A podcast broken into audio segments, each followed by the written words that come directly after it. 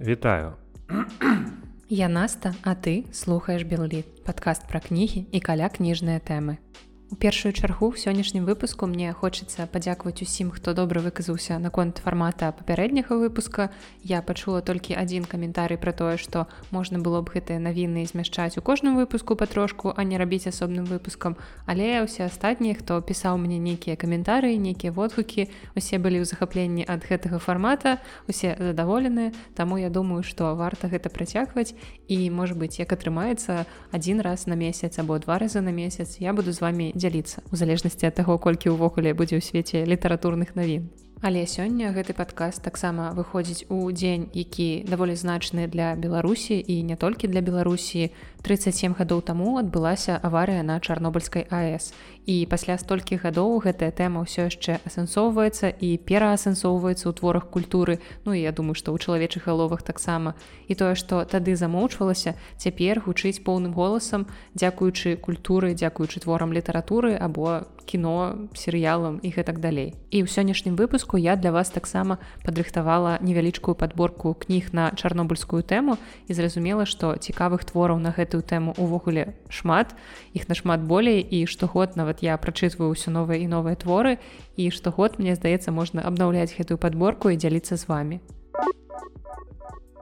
Але пачнём мы ўжо традыцыйна з адказаў на вашыя пытанні з нейкіх дапаўненняў і тут я перадаю прывітанне і падзяку слухачу па імені зміцер, а таксама майму сябру перакладчыку Сергею матырку, якія звярнулі ўвагу на маю недакладнасць. Бо рэч у тым, што ў 80 выпуску з літаратурнымі навінамі я вам расказвала цікавыя факты пра кнігу маленькі прынц. І ў тым ліку я згадала, што па-беларуску гэтая кніга таксама выходзіла у перакладзе ніны мацяж. Дык вось аказваецца, што пераклад ніна мацяж быў не адзіны і гэты твор перакладаўся яшчэ раней да яе. Тут я вам зачытаю удакладненне ад зімітра. Першы пераклад маленькага прынца быў выдадзены ў 1969 годзе ў выдавецтве Беларусь. Пераклад з французскай мовы зрабіла Эдзі агняцвет.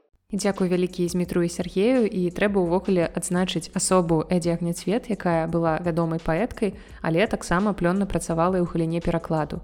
І акрамя экзюперы, дзякуючы ёй па-беларуску загучалі такія французы, як напрыклад гіём апалінер і поль элюар. І паколькі яна сама была паэткай, як вы бачыце, перакладала яна таксама пераважна паэзію. Напрыклад, паслухайце пераклад яе верша поля Элюара з нізкі вершы для мірнага часу, напісанай у ліпені 1918 года. Мне падаецца вельмі актуальная для нас цяпер паэзія. Ты ў атаку хадзіў у натоўпе, ты спаць валіўся ў натоўпе, А цяпер на шлюбным ложку сярод ночы, мацнейчым храпенне тысячы глотак цябе ўзбударажыць потых жаночы. Ну а цяпер крыху паадказваю на ваши каментарыі і сёння я звярнуся да каментарыяў на Ютубе. Я нагадаю, што сапраўды мой падказ таксама можна слухаць і там, калі для вас гэта зручная пляцоўка. Там вы шукаеце белліт лацінскімі літарамі. На жаль, там няма ніякага відэашэрагу відэаблогу, там проста аўдыа з застаўкай, але я са здзіўленнем даведваюся, што даволі шмат людзей спажываюць падкасты менавіта ў такім фармаце. А з іншага боку чаго я здзіўляюся, бо ў мяне самой YouTube прэміум слухаць падкасты мне з ім вельмі зручна, таму што можна просто адключыць экран і прайграванне будзе працягвацца і можна фонам слухаць кінуць у кішэню телефон і нармальна нібыта ты слухаеш у нейкім спецыяльным дадатку для падкастаў Ну ці таксама на Ютубе можна слухаць фонам пакуль ты робіш нешта на камп'ютары у адной укладцы адкрыў сабе YouTube і ўсё нармальна прайграецца бо ўсё ж такі мой падкаст слухаць засяроджана не абавязкова Хаця я рэспектую тым хто слухае сур'ёзна вы мае героі хто мэтанакіравана ўключае мой падкаст і слухае толькі яго робячы там нейкія справы магчыма. Бо я заўважыла што сярод тых падкастаў якія я слухаю ёсць тыя падкасты якія мне дастаткова слухаць фонам. Ну гаворыць яны там нешта і гавораць. Я магу займацца сваімі справамі і не абавязкова да канца ўцягвацца ў гэты падкаст. а але часам бываюць такія падкасты якія мне хочацца слухаць больш сур'ёзна. Зразумела не зусім так каб просто сесці і нічога не рабіць толькі слухаць падкаст бо гэта было б даволі дзіўна. Але я ўсё ж таки больш сур'ёзна і больш сканцэнтравана слухаю такія выпускі. Але у падкастаў на Ютубе ёсць адзін вялікі плюс. Там ёсць каментарыі якія вельмі зручна пісаць і на якія вельмі зручна адказваць Таму калі раптам вы слухаеце мяне ў нейкім іншым дадатку кастбоксе або на iTunes Google падкасты і гэтак далей вы можете паслухаць выпуску сваім прывычным прыкладанні але калі вам хочацца штосьці напісаць вы можете перайсці на YouTube і пакінуць свой каментарый там. Гэта даволі зручна Але да чаго я гэта ўсё вяду з Ютубам, бо рэч у тым, што ў папярэднім выпуску я вам сказала, што як толькі на Ютубе пад тым выпускам назбіраецца 100 лайкаў, то я запишу выпуск падкаста пры дапамозе нейрасетак. І там мне малаток пакінуў каментарый, што спецыяльна зажаў падабайку, каб я працавала. І з аднаго боку я выказваю падзяку за гэта, а з іншага асуджаю, Таму што мне так хочацца, каб хтосьці хоць раз у жыцці напісаў за мяне гэтыя няшчасныя 10-12 старонак сцэнарыя аднаго выпуску выпуска. Але ж падаецца у мяне ўсё ж такі ёсць шанец скінуць усё на нейрасеткі бо на момант запісу подкаста лайкаў ужо 102 а гэта значыць што гэта ўжо на два больш чым мне хацелася б. Так што ўсё не выкруціцца я пачынаю думаць над тым як арганізаваць задуманае. Таму адным з наступных выпускаў вас чакае праца нейрасетак на карысць беларускай літаратуры І дадаткова мне хочацца перадаць прывітанне таму, без каго б гэтая сотня дакладна не адбылася. Я мяркую, што некаторыя мае слухачы знаёмыя самым мілым і самым пухнатым беларускім літаратурным аглядальнікам, якога завуць хомы. Дык вось у сябе ў нстаграме, дзе Хома таксама дзеліцца аглядамі на беларускія кнігі.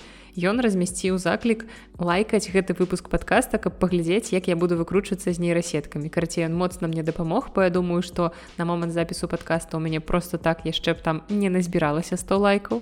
Таму магу толькі параіць вам чакаць, набрацца цярпення і чакаць наступныя выпускі абавязкова будзе штосьці цікавае. А пакуль можете подпісацца на хому ў нстаграме або ў фейсбуку і чытаць яго агляды на творы беларускай літаратуры. Спасылкі, як заўсёды пакінуў опісанне да выпуску. Далей зачытаю вам частку каментарыя ад волі пад 79 выпускам. Мы ніяк ўсё ж не можам адысці ад тэмы Ларысы Геніюш з выпуска ў выпуск яна ўсплывае і слухачка воля дзеліцца сваімі ўражаннямі ад успамінаў геніюш якія называюцца споведь гэта тая кніга про якую я таксама ўжо мільён разоў вам рассказывала дык вось воля глядзець на гэты твор под новым ракурсам. Гэтым разам не ларысацэнтрычным геніюш выдатная беларуская паэтка і дысідэнтка. Калі чытала яе споведь лавіла сябе на думцы што так не хапае голаса яе мужа. Працаваў у эміграцыі. Асацыяцыі былі з равічам з трыумфальнай аркі. Можа таму что нёс адказнасць за сям'ю таксама адседзеў увесь час працаваў. А яна часам неяк зняважліва адгукалася пра яго. А то можа мне падалося? Прынамсі ён для мяне вобраз сціплага сумленнага беларуса не на віду.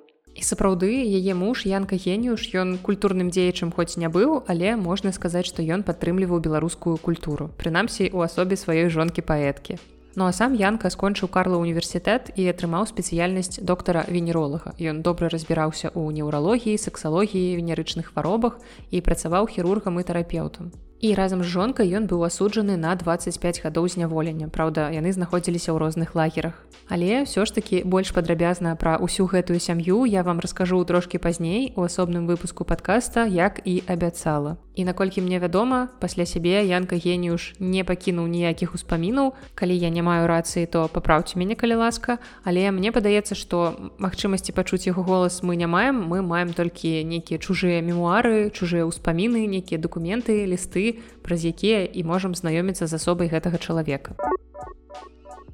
Таксама ў каментарыях пад 78 выпускам, у якім я дзялілася сваімі ўражаннямі ад кнігі Віктора Франкла сказаць жизни да псіхолог в канцлагере, тая ж ольга напісала пра гэтага псіхатэрапеўта наступнае.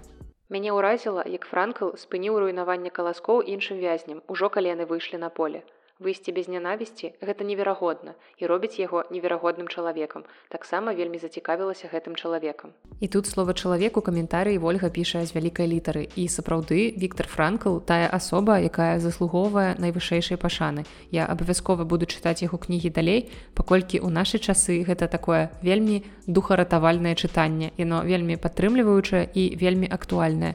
І таксама вам я вельмі раю калі вам патрэбна такая кніга падтрымка кніга якая цёплай коўдрай вас будзе абдымаць то мне падаецца што Віктор франкл акурат такая літаратура і не бойцеся што гэта нейкая сур'ёзная псіхалагічная навуковая літаратура Віктор франкл піша вельмі даступна і сапраўды ён піша для простых людзей канешне ён карыстаецца нейкай навуковай тэрміналогіі але вы нават не заўважыце што вы чытаеце нейкі складаны нон-фікшн твор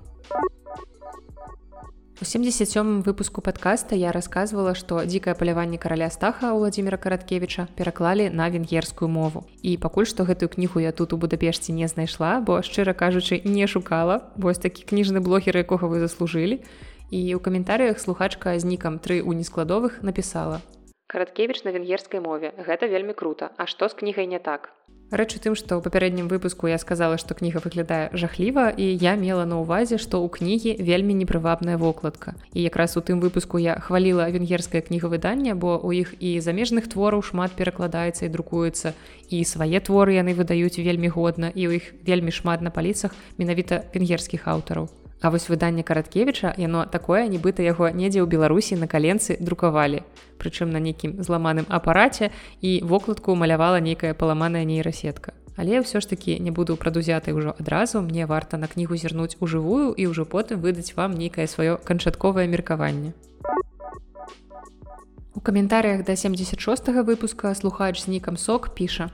Добрый дзень не думайце сделать стрим Я б, магчыма, і зрабіла стрым, я нічога супраць як бы не маю, але я не ведаю, ці патрэбна каму гэта з вас, што ўвогуле там магу вам расказваць. І ўсё ж такі, калі вам гэта цікава, то калі ласка, напішыце ў каментарыях ці ва ўсе формы зваротнай сувязі, якія знойдзеце ў апісанні, ну так напішыце, не ведаю, хачу стрым і калі вас будзе дастаткова шмат то я неяк ну падумаю наконт гэтага бо мне здаецца што арганізаваць гэта не так складана. Я ніколі не спрабавала але думаю што нават маіх гуманітарных звілін хопіць каб у гэтым разаобрацца бо ўсё ж такі неяк калісьці разабралася я ў тым як записываць падкасты як рабіць монтаж і вось бачыце ўжо колькі гадоў гэтым займаюся Дарэчы, мне падаецца, што я прапусціла адзін народзінаў падкаста, які быў недзе ў красавіку і я шчыра кажучы, нават не памятаю дакладную дату і шукаць ужо не буду мне ля нота, але вось недзе ў гэтых чыслах, у якім у 2020 годзе гэта атрымліваецца тры гады. Тры гады уявіце тры гады я ўжо расказваю вам і за гэты час вось записываю 81 выпуск подкаста Як заўсёды гэта нейкая сентыментальная частка падкаста, у якой я дзякую ўсім вам, без каго б гэта дакладна не адбылося. Я дзякую ўсім тым, хто слухае мяне ад самага першага выпуску і таксама ўсім, хто далучыўся вось можа літаральна нядаўна ці магчыма для вас гэта першы выпуск майго падкаста. Так што і вам таксама вялікі дзякуй, але ўсё ж такі вернемся да сённяшняга выпуска.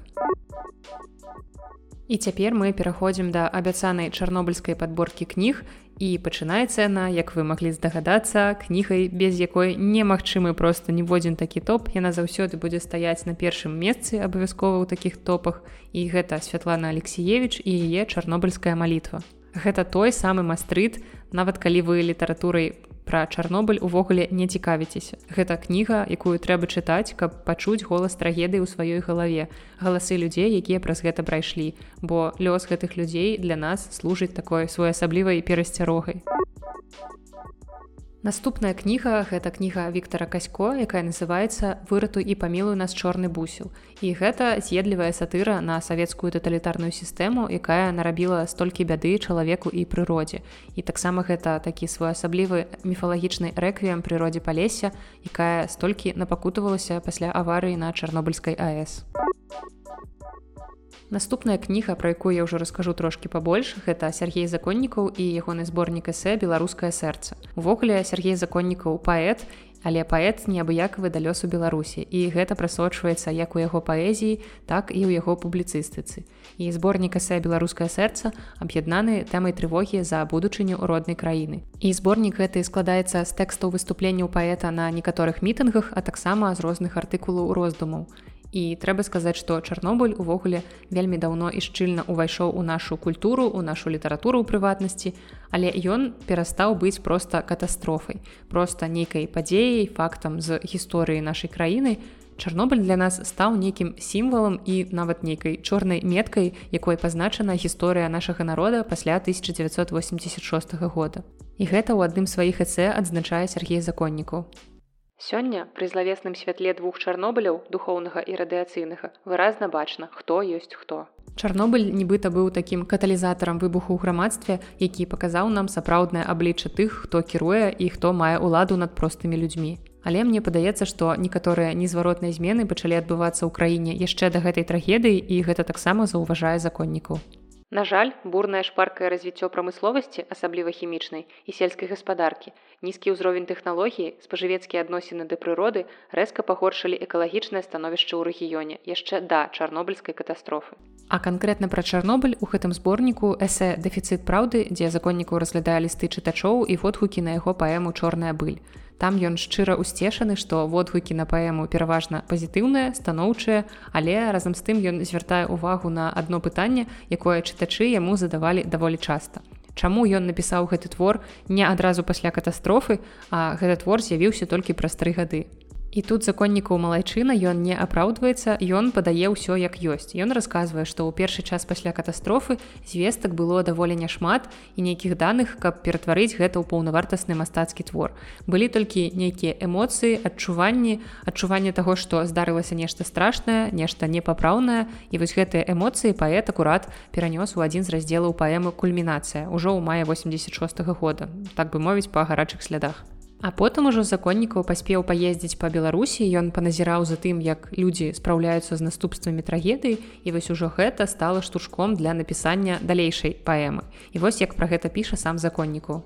Пабачыў і перажыў многа, а вось пісаць адразу не змог. Настолькі ўсё гэта было жахлівае, недарэчнае, недзе за межамі чалавечага ўяўлення пра бяду. З тым і жыў. А потым душа не вытрывала, выбухнула.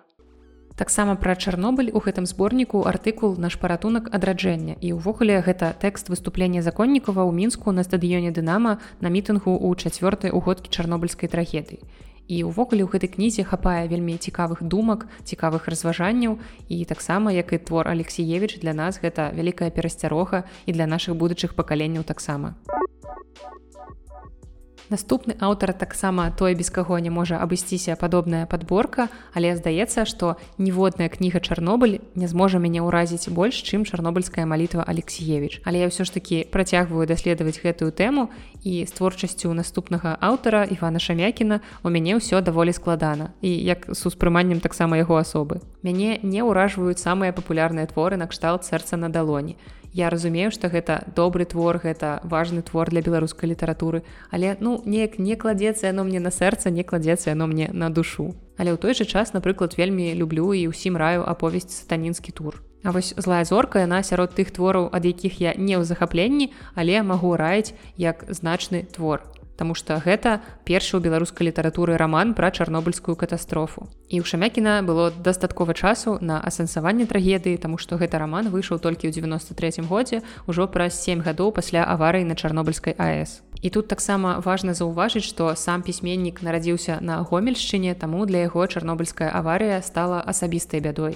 Ён ездзіў на палесе пасля здарэння і на свае вочы бачыў, што там адбываецца. Але раман усё ж такі пачынаецца на аптымістычнай ноце. Мы бачым вяселле ў сям'і пустаходаў і пыльчынкаў і глеб і Ірына рыхтуюцца неяк адзначыць сваё свята. Але тут жаніху даводзіцца з'ехаць са святкавання вяселля, бо рэчы тым, што ён інжынер на чарнобыльскай АС і ў дзень вяселля ён даведваецца, што на станцыі пажар.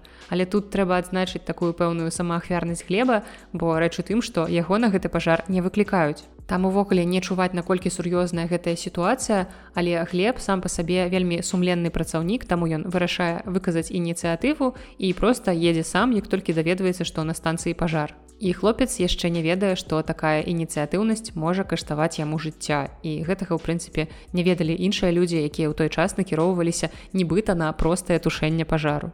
Да таго ж далей уся сям'я апынаецца ў зоне адсялення і гэта таксама вельмі цяжка раставацца з месцам, дзе ты нарадзіўся і вырас, прычым раставацца не паводле ўласнага жадання, а пасля вось такой трагедыі і далей шамякіну захацелася дадаць у твор яшчэ такіх змрочных нотак таму акрамя чарнобыльскай тэмы ён уключае сюды тэму афганскую. Бо родны брат хлеба барыс ён лётчык і ўжо не першы раз ён накіроўваецца на вайну у афганістане. І такім чынам дзве сям'і якія мусілі звязацца з прыемнай нагоды з нагоды вяселля яны аказваюцца такім раскіданым гняздом. І ў апошнія гады, дзякуючы серыялу Чарнобыль, які так добра прыгрымеў нашай культурнай прасторы, пакаленне людзей якое нарадзілася ўжо пасля трагедыі у тым ліку і я яно адкрыла для сябе гэтую тэму. І для мяне ў прынцыпе гэтая тэма была не новай але вось людзі якія маладзейшыя за мяне яны магчыма неяк па-новаму паглядзелі на тое пра што калісьці можа быць недзе чулі. І мне здаецца што таксама людзі якія трагедыю бачылі на свае вочы яны змаглі знайсці ў гэтай тэме нешта новае Але ж серыял Чарнобыль ён збольшага паказваў такое змаганне з бязлітаснай бюрократычнай машынай. І толькі нейкімі асобнымі эпізодамі такімі штуршкамі ён закранаў гісторыі простых людзей. Напрыклад, гэтая кранальная вельмі трагічная гісторыя Людміла і Васіля Ігнаценка, якую таксама згадвае ў сваім творы алексеевич. А вось у творы шамякіна наадварот здавалася б на першы план выходзіць людзі чыё жыццё праходзіць на фоне гэтай катастрофы. Але разам з тым часам у творы ён нас водзіць па кабінетах высокіх і не вельмі чыноўнікаў і трэба сказаць што гэта самыя нецікавыя эпізоды кнігі. Нашмат цікавей ўсё ж такі сачыць за жыццём простых людзей І як мне падаецца твору не хапае душы ён вельмі сухі колькі б туды аўтар не ўстаўляў трагічных гісторый але ў мяне ніяк не атрымлівалася суперажываць персонажам але ў цэлым гэты роман даволі нядрэнны ён добра паказвае атмасферу таго часу не прыхарошвае сітуацыю таму гэта сапраўды варты твор каб пачытаць каб трохі пазнаёміцца з тэмай чарнобылю калі напрыклад вы зусім малады слухач і яшчэ мала пра гэта ведаеце Але ўсё ж такі пачаць я вам раю з чарнобыльскай малітвы Алексеевич. Наступны твор у падборцы самы караценькі, таму што гэта апавяданне апавядання мурзікава дарога мехася зізюка, якое было змешчана ў зборніку планктон. І ўсе папярэднія тэксты, пра якія я вам расказвала, мастацкія, не мастацкія, яны былі прысвечаны людзям, якія пацярпелі ад Чарнобыля. А ў гэтым апавяданні мы бачым вельмі нетрывіяльны погляд на падзеі ад імя сабакі, сабакі, якога завуць мурзік. Праўда, як мне падалося сабака тут мае зусім не сабачыя думкі, а з іншага боку, адкуль мне ведаць, што насамрэч думаюць сабакі. Але вось гэта такі цікавы спосаб зірнуць на чарнобыльскую катастрофу новымі вачыма пад нейкім новым ракурсам. Наступная кніга гэта зборнік, які называецца след чорнага ветру і калі святлана алексеевич у сваёй чарнобыльскай малітве сабрала пераважна галасы дарослых, то гэтая кніга акурат зборнік дзіцячых галасоў. Гэта зборнік сачыненняў і малюнкаў на тэму Чарнобыля. Тут змешчаны тэксты на рускай і беларускай мовы і выхад кнігі быў прымеркаваны да дзесяцігоддзя з дня трагедыі. І ў кнізе дзеці спрабуюць асэнсаваць тое, што адбылося. І хтосьці вельмі добра памятае той дзень, а для кагосьці ён застаўся смутнай кропкай на гарызонце ўспамінаў але ўсё ж гэта тая катастрофа з якой ім давялося жыць і ім у тым ліку як і нашчадкам тых хто быў адказным за трагедыю і таму цікава зірнуць на гэтую трагедыю з такой дзіцячай оптыкай дзіцячымі вачыма і апошняя кніга ў сённяшняй падборцы у прынцыпе сюжэтна не мае ніякага дачынення да чарнобыля бо падзеі ў ёй разгортваюцца ў германії але менавіта аварыя на чарнобыльскай аэс падштурхнула нямецкую пісьменніцу гудрун паузаванг да стварэння кнігі под назвай хмара і кніга была выдадзеная па гарачых слядах яна выйшла літаральна праз год пасля чарнобыльскай катастрофы і расказвае пра такую выдуманую уяўную катастрофу ў германії і кніга вельмі жорсткая таму што галоўныя героі гэтай кнігі і галоўныя ахвяры гэта дзеці. Кніга сапраўды падлеткавая але там апісваюцца такія вельмі глыбокія вельмі цяжкія думкі і усе гэтыя думкі варта нагадваць і дарослым. Таму раю чытаць гэту кнігу не толькі падлеткам Ну а цяпер нарэшце пераходзім да майго апошняга прачытанага і пачнём мы з дзіцячай падлеткавай літаратуры. Ужо не раз мне падаецца ў сваім падкасці і ўвогуле людзям навокал я скардзілася на тое, што сучасныя бацькі зусім не ўспрымаюць дзіцячую падлеткавую літаратуру, калі ў ёй ёсць чыясьці смерць. Чалавека, коціка, чарапашкі абсалютна няважна. Бацькам падаецца, што крыштальны сасуд псіхікі іх дзіцёнка дакладна такое ўзрушэнне не вытрымае і проста разляціцца ў шкляны пыл. І вось такім бацькам я ніколі не стамлюся паўтараць, што дзеці больш моцныя, чым вы думаеце і дзеці больш разумныя, чым вы думаеце. І апошнім часам чамусьці, на жаль, я чытаю нашмат менш падлеткавай літаратуры, але за такую клікбейтную назву, як у гэтай кнігі у мяне вока зачапілася. І далей я раскажу вам пра дэбютны раман нідерландскай пісьменніцы Анет Хёйзінг, які называецца как я нечаянна напісала кнігу. Раман выйшаў у 2014 годзе, а я чытала рускі пераклад, які быў надрукаваны ў выдавестве альбус корвус. І гэтая кніга ёсць у продажы ў нас у кнігарні кніжная шафа, але рэчы тым, што пакуль я ні разу не раіла яе пакупнікам, бо вельмі цяжка мне сабе ўявіць, як я пачынаю захоплена дзяліцца сваімі ўражаннямі ад гэтай кнігі з чарговымі бацькамі, якія да нас зойдуць у пошуках новай кнігі. А потым бацькі разгортваюць гэтую кнігу і чытаюць першы сказ. Очень тяжело, когда мама умерла. Пум-пум-пум, няёмкае маўчанне, наведвальнікі сыходзяць шафы, думаючы, што ў нас там максімальна маркотнае месца. Рэч у тым, што падобнай сітуацыі ў нас ужо неаднойчы здараліся. Напрыклад, адна з маіх улюбёных дзіцячых кніг апошніх гадоў называецца дакладамі дузах аўтаркі Алі Бенджамін. І калі нехта просіць параіць дзіцячую кнігу ці падлеткавую, я пачынаю такі захоплены расповед, маўляў, ёсць вельмі цікаўная дзяўчынка, у якой памірае сяброўка І тут я збіраюся працягваць, але ўжо на гэтым моманце я заўважаю, што у вачах маіх суразмоўцаў пачынае нараджацца пэўны скепсіс. Далей ужо менш упэўнена, але не менш захоплена я працягваю, што сяброўка нашай галоўнай гераіні патанула і тая ў гэта не верыць, таму што яе сяброўка была плыўчыхай. І вось недзе на гэтым моманце я разумею, што ўжо згубіла слухачоў, бо яны нервова пачынаюць вачыма шукаць выхад з кнігарні, каб хутчэй збегчы ад гэтай вар'яткі. І яны ніколі не даведаюцца што тэма смерці ў рамане не страшная яна не галоўная і гэта проста шыкоўны твор для цікаўных дзяцей якія любяць і галоўнае не баяцца задаваць нязручныя пытанні каб упарта дакапацца да самай сутнасці рэчаў і з'яў І таксама яшчэ падобная сітуацыя ўзнікае, калі я пачынаю раіць кранальную і вельмі светлую кнігу італьянскай пісьменніцы Анжелы Нанетці, якая называецца мой дзедушка быў вішняй. І тут у для бацькоў ужо падазроная назва, таму што як бы дзеяслоў прошлага часу быў, ужо як бы намікае на тое, што дзядулі ў цяперашнім часе няма. А што калі дзядуля памёр наўпрост на працягу сюжэта кнігі, а? Людзі ж не паміраюць у жыцці, як бы ні ў якім выпадку нельга дзяцей дапускаць да падобных твораў. І што ўвогуле сабе дазваляюць гэтыя выдаўцы, якія друкуюць такую крамольную літаратурку. Але ўсё ж вернемся да твора, как я нечайна напісала кнігу. І ў падкасці я магу з вами смела дзяліцца ўсімі захапленнямі наконт гэтага твора і не баяцца, што мае слухачы збягуць, таму што мне падаецца, вы не такія. Тым больш гэта раман сапраўды варты, прычым мне падаецца, што дарослым чытаць яго будзе не менш цікава, чым падлеткам. І у нас ёсць галоўная гераіня, якую завуць каценка і ёй 13 гадоў і ў яе памерла мама, як вы маглі здагадацца з першага сказа гэтага твора калі маці памерла дзяўчынцы было ўсяго тры гады і з аднаго боку перажываць гэта лягчэй паколькі ў такім узросце ў тры гады яна мала што ўсведамляла і наўрад ці неяк ярка запомніла постаць маці. Таму у яе няма нейкай пустэчы ўнутры з нагоды чагосьці што яна добра памятае а потым раптам гэта ў яе забралі.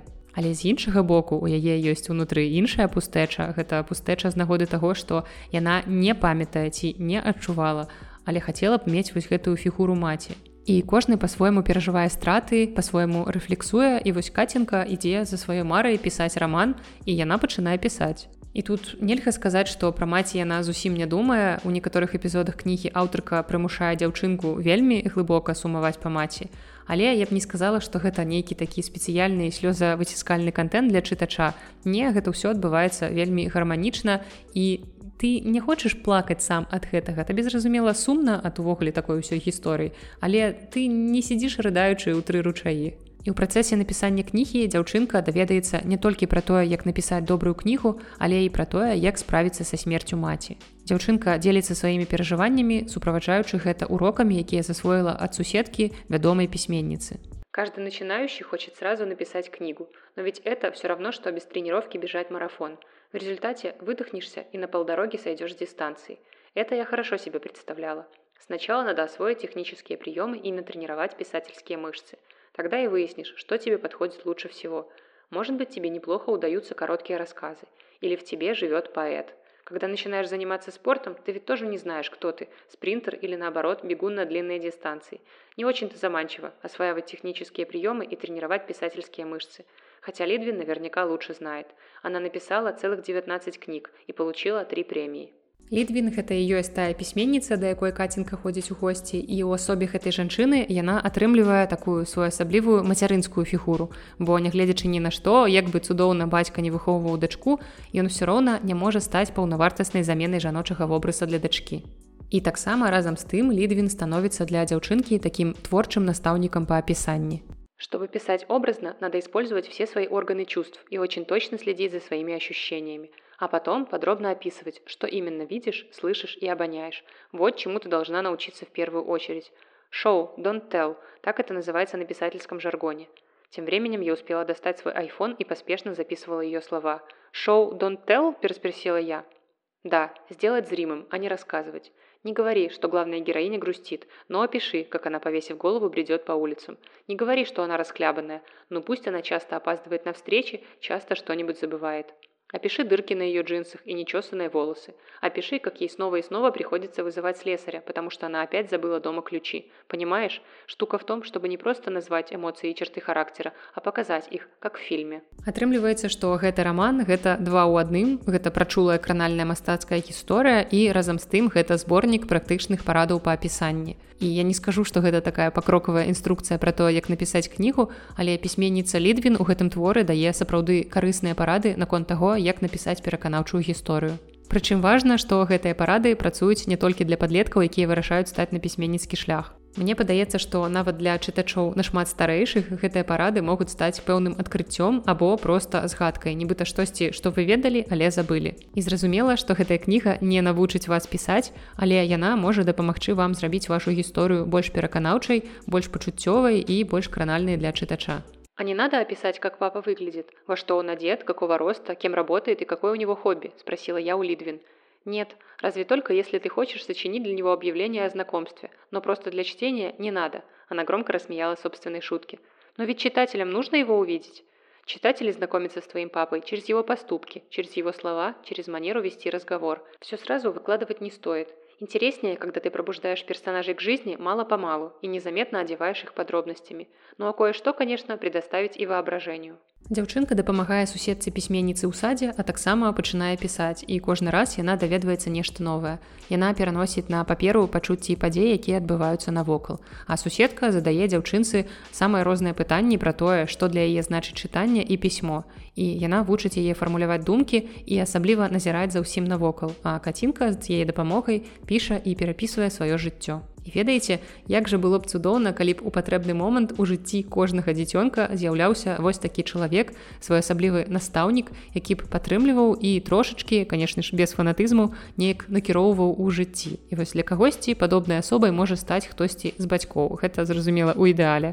Але ў рэальным жыцці, на жаль, не заўсёды атрымліваецца так. Твор напісаны даволі проста, але ў той момант, калі іх захочацца за гэта аўтарку папракнуць, то варта ўспомніць, што аповед усё ж такі вядзецца ад імя 13гадовай дзяўчынкі. Мы назіраем за ўсім з яе галавы і вось гэтым абумоўлены падобны стыль твора. І гэта не значыць, што дзяўчынка разважае неяк прымітыўна ці спрошчана.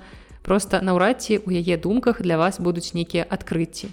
Але мне здаецца, можа так здарыцца, што для вас гэтая кніга стане натхненнем у творчасці. Чытаць зразумела ў першую чаргу раю дзецям, для якіх гэтая кніга ўласна і адрасаваная, магчыма, гадоў з 12 і асабліва, калі гэтыя дзеці ўжо неяк цікавяцца пісьменніцтвам. Ну і зразумела, банальна раіць гэтую кнігу дзецям, якія таксама спраўляюцца са стратай кагосьці з бацькоў, але ўсё ж такі я параю, Ну і вядома ж, я прапагандую падлеткавую літаратуру сярод дарослых, вы ж ведаеце, Таму таксама я раю гэтую кнігу не таўстаскурым дарослым, якія яшчэ не згубілі здольнасць здзіўляцца. Что происходит, когда читаешь хорошую книгу? Ответа она не ждала. Тогда ты видишь перед собой персонажей и сцены, как в фильме. Слова становятся картинами. Ты погружаешься в рассказ, живешь вместе с главным героем, видишь то, что видит он, и слышишь то же, что и он. Даже запахи ощущаешь вместе с ним – Забываешь, что все это просто буквы на бумаге, рассказ, придуманный писателем. А когда позднее вспоминаешь этот рассказ, снова видишь все перед собой. І цяпер мы пераходзім да заключнай часткі падкаста, якая мне падаецца найбольш цікавай, бо ў ёй я разгледжу, як два творы аднаго і таго ж аўтара могуць выклікаць кардынальна супрацьлеглыя эмоцыі. Але пачну ўвогуле з асобы аўтаркі. Яе завуць Саяка Мурата, ёй 43 гады і яна нарадзілася ў Японіі. І праяўляць інтарэс да літаратурнай творчасці яна пачала яшчэ ў дзяцінстве. У чацвёртым класе пачатковай школы яна спрабавала ад рукі напісаць раман і пасля гэтага маці падарыла ёй тэкставы працэсар. Гэта штосьці накштал друкарскай машынкі. І дарэчы, я згадваю, што ў маім дзяцінстве у нас дома таксама была друкарская машынка. Я вельмі любіла ёй карыстацца і не таму, што стамлялася пісаць, бо пісаць ад рукі я вельмі люблю. Але мне вельмі падабалася вось гэты момант, калі ты клацаеш па клавіатуры, вось гэтыя гукі, тэкст, які потым выходзіць. Мне падавалася, што гэта нейкая магія. Потым ужо з'явіліся прынтары, гэта ўжо было так троху бяздушна, але друкарская машынка мела ў сабе пэўную рамантыку. Але пісаць ад рукі я ўсё ж такі люблю больш і дагэтуль і нават у наш час такі развіцця інфармацыйных тэхналогій я ўсё роўна стараюся як мага часцей гэта рабіць. Але вернемся да аўтаркі, яе вось любоў да літаратуры і пісання прывяла да таго, што яна скончыла літаратурны факультэт універсітэта Тамагава ў Японіі. Ну і пасля той літаратурнай спробы ў чацвёртым класе яна ўсё ж такі працягвала заняткі пісьменніцтвам і на радзіме ў Японіі яна атрымлівала разнастайныя ўзнагароды, але сусветная вядомасць да яе прыйшла толькі ў 2016 годзе. Гэта адбылося пасля таго, як выйшла аповесць, пра якую мы сёння з вами пагаворым першай, бо гэта акурат той твор, які мне прыйшоўся даспадобы. Кніга чалавек камбіні была прададзена ў Японіі накладам больш за паўтара мільёны экземпляраў. А ў 2018 годзе праз два гады пасля выхаду ў Японіі кнігу пераклалі на англійскую мову пад назвай Convenience Store Woman. Для аўтаркі гэта быў першы пераклад яе твора, бо дагэтуль усе яе кнігі друкаваліся толькі на роднай японскай мове. І зразумела, што з перакладам да аўтаркі прыйшла сусветная вядомасць. І потым агулам твор быў перакладзены больш чым на 30 моў. Я чытала рускі пераклад чалавек камбіній, который выйшаў у 2020 годзе ў выдавестве попкорн букс. І гэта зусім танюткая кніга у ёй усяго 143 старонкі і распавядае яна гісторыю жыцця гераіне, якую завуць Кейко Фурукура. І вось ужо 18 гадоў Кейко працуе ў камбіні. І для пачатку трэба патлумачыць, што такое ўвогуле гэтая камбіні. Камбіні гэта універсальная крама, якая ўжо стала часткай японскай культуры. Гэта такая невялічкая кругласутачная крама крокавай даступнасці. І звычайна такія крамы знаходзяцца недалёка ад дома. Яны ёсць як у вялікіх мегаполісах, так і ў невялічкіх прэфектурах. І ў такой краме вы можете знайсці амаль што ўсё. Там ёсць розныя напоі, там можна купіць каву, нейкія прысмакі, гатовыя абеды, можна знайсці нават нейкія білеты на канцэрт нейкія паслугі факса адпраўкі лістоў часопісы і гэтак далей. І ведаючы факт ці біяграфіі аўтаркі што яна працавала на палову стаўкі прадаўцом у такой краме ў токе на працягу 18 гадоў таксама да 2017 года тут можна высунуць меркаванне што твор у чымсьці будзе аўтабіяграфічны Калі вы працуеце ў камбіне, людзі часта глядзяць на вас пагардліва за тое, што вы там працуеце. Мяне гэта захапляе і я люблю глядзець ім у твар, калі яны так робяць са мной. І калі я гэта раблю, я заўсёды думаю, вось што такое чалавек. У галоўнай гераіне гэтага твора мы зноў бачым такі тып літаратурнага персанажа, які мяне апошнім часам вельмі цікавіць. Гэта сацыяльна непрыстасаваны чалавек з пэўнымі ментальнымі асаблівасцямі. Не так даўно я рассказывала вам пра адзін з найлепшых твораў, якія чытала летась, гэта раман Гейл Ханеман Элеонор Оліфант і камплітлі файн. І гераіня гэтага твора мне вельмі вельмі нагадала Элеонор Оліфант толькі кейко яшчэ больш гадоў ёй 36 і яна яшчэ больш часу працуе ў адным і тым жа месцы. Яна 18 гадоў працуе ў краме камбіні. Рэч у тым што ў японіі такая крама лічыцца добрым месцам для падпрацоўкі ў студэнцкія гады. І тое што наша гераіня затрымалася там на такі працяглы час выклікае ў людзях нейкія дадатковыя пытанні. Маўляў, яна ўжо перасягнула сацыяльна прымальны ўзрост для такой працы яшчэ і незамужняя ў 36 гадоў і нават нягледзячы на тое што яна просто ідэальны просто узорны работнік у людзей усё роўна ўзнікаюць пытанні да яе нібыта жыццёвай непрыстасаванасці. Спецыфічная форма таго што лічыцца звычайным чалавекам існавала заўсёды нязменная з дагістарычных часоў нарэшце зразумела я І я таксама адзначыла ментальныя асаблівасці гераіні, бо яна сапраўды мае пэўную праблему ў аўтыстычным спектры і вось канкрэтнае расстройства не называецца таксама як у гісторыі Леонор Оліфант. Проста Кейку часта адчувае цяжкасці з арыентацыяй у тым, што лічыцца нармальным. І таму ёй так падабаецца праца ў гэтай краме камбіні, таму што ў краме ўсё зразумела. Усе тавары знаходзяцца на сваіх месцах. У супрацоўнікаў ёсць пэўны вызначаны парадак дзеянняў. І Кейко марыць аб тым, каб існавала нейкае пэўнае кіраўніцтва даведнік да жыцця, каб яна магла вывучыць гэта і асвоіць так жа, як і кіраўніцтва да крамы. І Кейку гэта такі класічны прыклад чалавека з расстройствам аўтыстычнага спектра, бо яна неяк падсвядома ведае, як менавіта арганізаваць выкладку для аптымальных продажаў. Яна плануе свой дзень з улікам загружанасці. Яна падбірае цяжкія гадзіны, калі іншыя сыходзіць. І ўвогуле яна такі максімальна эфектыўны супрацоўнік падобнай крамы. Але бацькі яе, што з дачкой нешта не так, зразумела, не так паводле іх меркавання, заўважылі яшчэ з дзяцінства і ўжо з таго часу Кейко наведвала тэрапеўта за тэрапеўтам. Яны і яе сям'я спрабавалі вылічыць яе. Тут я раблю двукосці пальцамі. Хаця сама кейку ўвогуле не магла зразумець што яна робіць не так што ўвогуле ўсім гэтым людзям ад яе трэба. І добра што ў нашай гераіне аказалася такая даволі эмпатычная сястра якая як можа дапамагае кейку. Яна падказвае ёй што рабіць як размаўляць і як паводзіць сябе ў пэўных сітуацыях. Хаця сястра таксама мае часам пэўныя пытанні да кейку Ёй больш прыемна думаць, што яе сястра нармальная, нават калі ў яе шмат праблем, чым мець ненармальную сястру, для якой усё ў парадку. Ну і з 18 гадоў кейку вось ужо палову жыцця працуе ў краме камбіні і там яна таксама назірае за калегамі, каб ведаць, як апранацца і як дзейнічаць. Яна, напрыклад, цалкам капіруе стыль адной з жанчын. І гэта ўвогуле вельмі тонкі, вельмі прачулы твор, у якім аўтарка з гумарам высмейвае грамадства і яго любоў да пэўных іерархій, а таксама людзей з імкненнем навязаць на іншым свой пункт гледжання сваю сістэму каштоўнасцяў бо кейко абсалютна нармальна жыве. Можна сказаць што яна по-свойму шчаслівая. Але гэтая кніга не была б такой цікавай без унутранага канфлікту гераіні. Кейко шчаслівая працаваць у камбіні але у той жа час ёсць тое самае грамадства з яго любоўю да іерархій і спроб вызначыць паняцце нармальнасці. І грамадства лічыць што гэта ніжэй загоднай з жанчыны яе ўзросту. І вось канфлікт акурат узнікае ў месцы дзе адбываецца разуменне кейку што ў яе ёсць жыццё якое прыносіць ёй радасць ёсць і адначасова ёсць той лад жыцця які грамадства лічыць прымальным. І вось гэтае несупадзенне ўласных жаданняў з тым што хоча ў ёй бачыць грамадства пачынае разрываць гераіню на часткі. Да таго ж кейко не цікавяць нейкія рамантычныя сексуальныя стасункі. Яна не імкнецца завесці сям'ю яна не імкнецца мець дзяцей і вось гэтым у вачах людзей навокал яна выглядае яшчэ больш ненармальнай Яна нават мужа сабе заводзіць паводле аб'явы і ў аб'яве было напісана, што не патрабуюцца ніякія фізічныя кантакты. Мы будзем проста фіктыўна існаваць у шлюбе, эфектыўна функцыянаваць як такая ячэйка грамадства. Калі нешта было дзіўным, кожны лічыў, што мае права ўрывацца ў тваё жыццё, каб высветліць прычыну. Але саяка мурата выкрывае нармальнасць так званую і сацыяльную іерархію як просты фасад для прыгнёту заўсёды будуць людзі якія знойдуць прычыны каб прыніжаць іншых за тое што тыя проста не падобныя да іх. Гэтая кніга гэта ода свабодзе быць рознымі і ўмець атрымліваць асалоду ад нашых адрозненняў і быць тымі хто мы ёсць. Не баяцца быць такімі бо ў гэтым мне падаецца сіла кожнага ва ўменні быць сабой Ну і раз на аўтарку звярнулі ўвагу пасля папярэдняй кнігі, то зразумела, што ўсе яе далейшыя творы таксама пачалі перакладацца на розныя мовы. І адразу пасля гэтай цудоўнай кнігі чалавек камбіні у 2018 годзе Саяка Мурата выпускае раман пад назвай Эрслінгс. І гэты твор я ўжо чытала ў перакладзе на англійскую мову, але твор таксама выходзіў па-руску пад назвай земляноіды.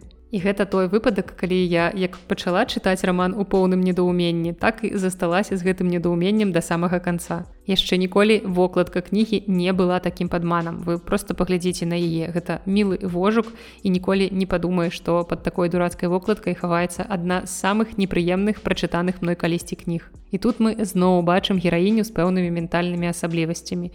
Маленькая дзяўчынка на цука галоўнай гераіні гэтага твора лічыць што яна прышэлец з іншай планеты якая называется зараз я, я змагу я гэта вымаўлю яна называется поха піпін па бопе так я змагла. І гэтая назва сустракаецца на працягу ўсёй кнігі. Я далей просто пропускала я ніколі не чытала гэтую назву цалкам у сваёй галаве бо гэта просто немагчыма.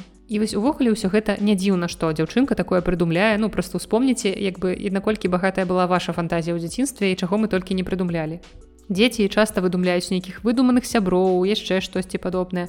Але вось у гэтай сітуацыі ў сітуацыі нацука ўсё больш сур'ёзна, бо для нацука гэта спосаб спраўляцца з цяжкасцямі яе свету. Такі своеасаблівы спосаб эскапізму, бо рэч у тым, што яна вельмі часта падвяргаецца слоўнаму гвалту з боку маці. Далей да гэтага далучаецца сексуальны гвалт з боку настаўніка. І вось у гэта ўсё падрабязна апісваецца ўжо ў першых дзвюх главах. Ну і паколькі для нацука гэта своеасаблівы спосаб эскапізму, яна ўжо настолькі змірылася з падобнымі рэчамі, што лічыць сваю сям'ю проста ідэальнай, узорнай. І таксама яна лічыць, што настаўнік павінен быць добрым чалавекам, але ім кіруе злая ведьма, гэта іншая настаўніца і менавіта таму ён так сябе паводзіць. Яна ўвогуле не да канца асэнсоўвае, што з ёй адбываецца. Карацей гэта такія класічныя спосабы апраўдання ката, каб толькі не трапіць у ролю ахвяры. І так цікава склалася, што я прачытала абедзве гэтыя кнігі з невялічкім часавым прамежкам і ў гэтай кнізе аўтарка закранае фактычна тыя ж тэмы, што і ў папярэдню. Гэта дзіўная жанчына, якая не прымаецца грамадствам за яе адмову ўпісвацца ў гэтае грамадства пры дапамозе замужжа, пры дапамозе нараджэння дзяцей,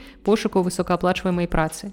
І толькі тут вось у жыцці гераіне дадаецца такі жахлівы бэкграунд у выглядзе гвалту з боку настаўніка і вось гэтыя сцэны гвалту яны бадай самыя невыносныя ў кнізе. Зразумела, што маленькай дзяўчынцы ніхто не паверыў, а ад некаторых дыялогаў, калі яна расказвала пра гэта нейкім сваім так званым сябрам сям'і мяне проста выварочвала. І шчыра кажучы мне нават няёмка казаць пра гэтую кнігу штосьці дрэннае бо кніга закранае сапраўды важныя тэмы. Напрыклад яна паказвае чаму многія людзі якія подвергліся сексуальнаму гвалту не расказваюць пра гэта. Таксама далучаецца тэма з папярэдняй кнігі пра тое што кожны хто не ўпісваецца ў рамкі нібыта прынятыя ў грамадстве ён становіцца выгнанцам з гэтага грамадства.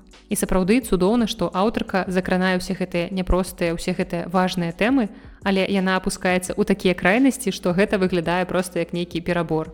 Таму мне падаецца, што гэтую кнігу варта было б выдаваць не ў такой вясёленькай вокладцы і дадаваць папярэджанні пра інцэст, пра сексуальны гвалт, пра педафілію, булінг, пра здзейкі, пра жорсткае абыходжанне з дзецьмі, як эмацыянальнае, так і фізічнае, пра канібалізм і, магчыма, яшчэ пра нешта, што мой мозг проста адфільтраваў як непатрэбнае, калі я дачытала кнігу просто гіганцкі спіс триггер-ворнінг але самое самое такое непрыемнае что ўсё гэта ў кнізе настолькі лішняе настолькі непрыемнае. І я чытала папярэднюю кнігу я ведаю што аўтарка можа гэтак жа эфектыўна ці нават больш эфектыўна раскрываць тыя ж самыя тэмы не выкарыстоўваючы нічога з вышэй пералічанага. І тут я лічу патрэбным дадаць што ўсе вышэй пералічаныя эпізоды кнігі мяне не шакавалі. Я чытала значна горшыя рэчы і гэты аспект кнігі мяне ўвогуле не хваляваў. Але падобныя рэчы мусяць дадавацца ў твор толькі тады калі ў іх сапраўды ёсць патрэба. А зашмат жорсткасці і фізічнага гвалту просто не ідуць на карысць твору калі гісторыя нічога з гэтым не робіць. Гэта просто чарнуха дзеля чарнухі І калі задумваешся над сюжэтам кнігі і спрабуеш яго камусьці апісаць, то ў прынцыпе здаецца, што атрымліваецца нешта даволі цікавае актуальнае.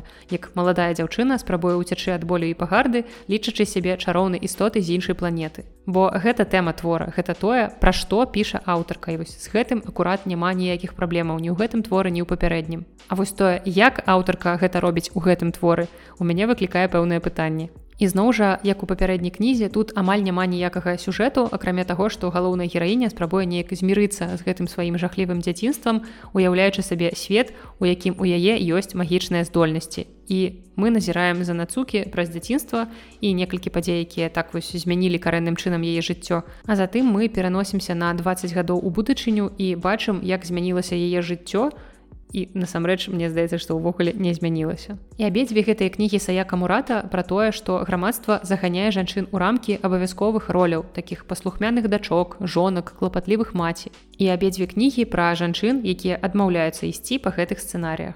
І далей цікавы момант бо на кніжных паліцах мяне чакае апошняя на сёння кніга гэтай аўтаркі гэта зборнік апавяданняў лайф серемоні і за гэту кнігу я хочу выказаць падзяку аднаму са сваіх патронаў яну які мне яе прывёз і спадзяюся што гэтая кніга ў мяне ўсё ж такі выключае такія эмоцыі як чалавек камбіні а не такія эмоцыі як земляноіды. Але гэта быў такі даволі цікавы досвед як адна аўтарка можа напісаць два творы з падобнымі гераінямі на падобныя тэмы але зрабіць гэта пры дапамозе розных мастацкіх сродкаў калі першы твор такі даволі рэалістычны без нейкіх фантастычных элементаў ці дапушчэнняў то ў другім просто пачынае адбывацца нейкая дзіч Таму вельмі горача раю вам раман чалавек камбіні і разам з тым вельмі горача не раю вам раман земляноіды.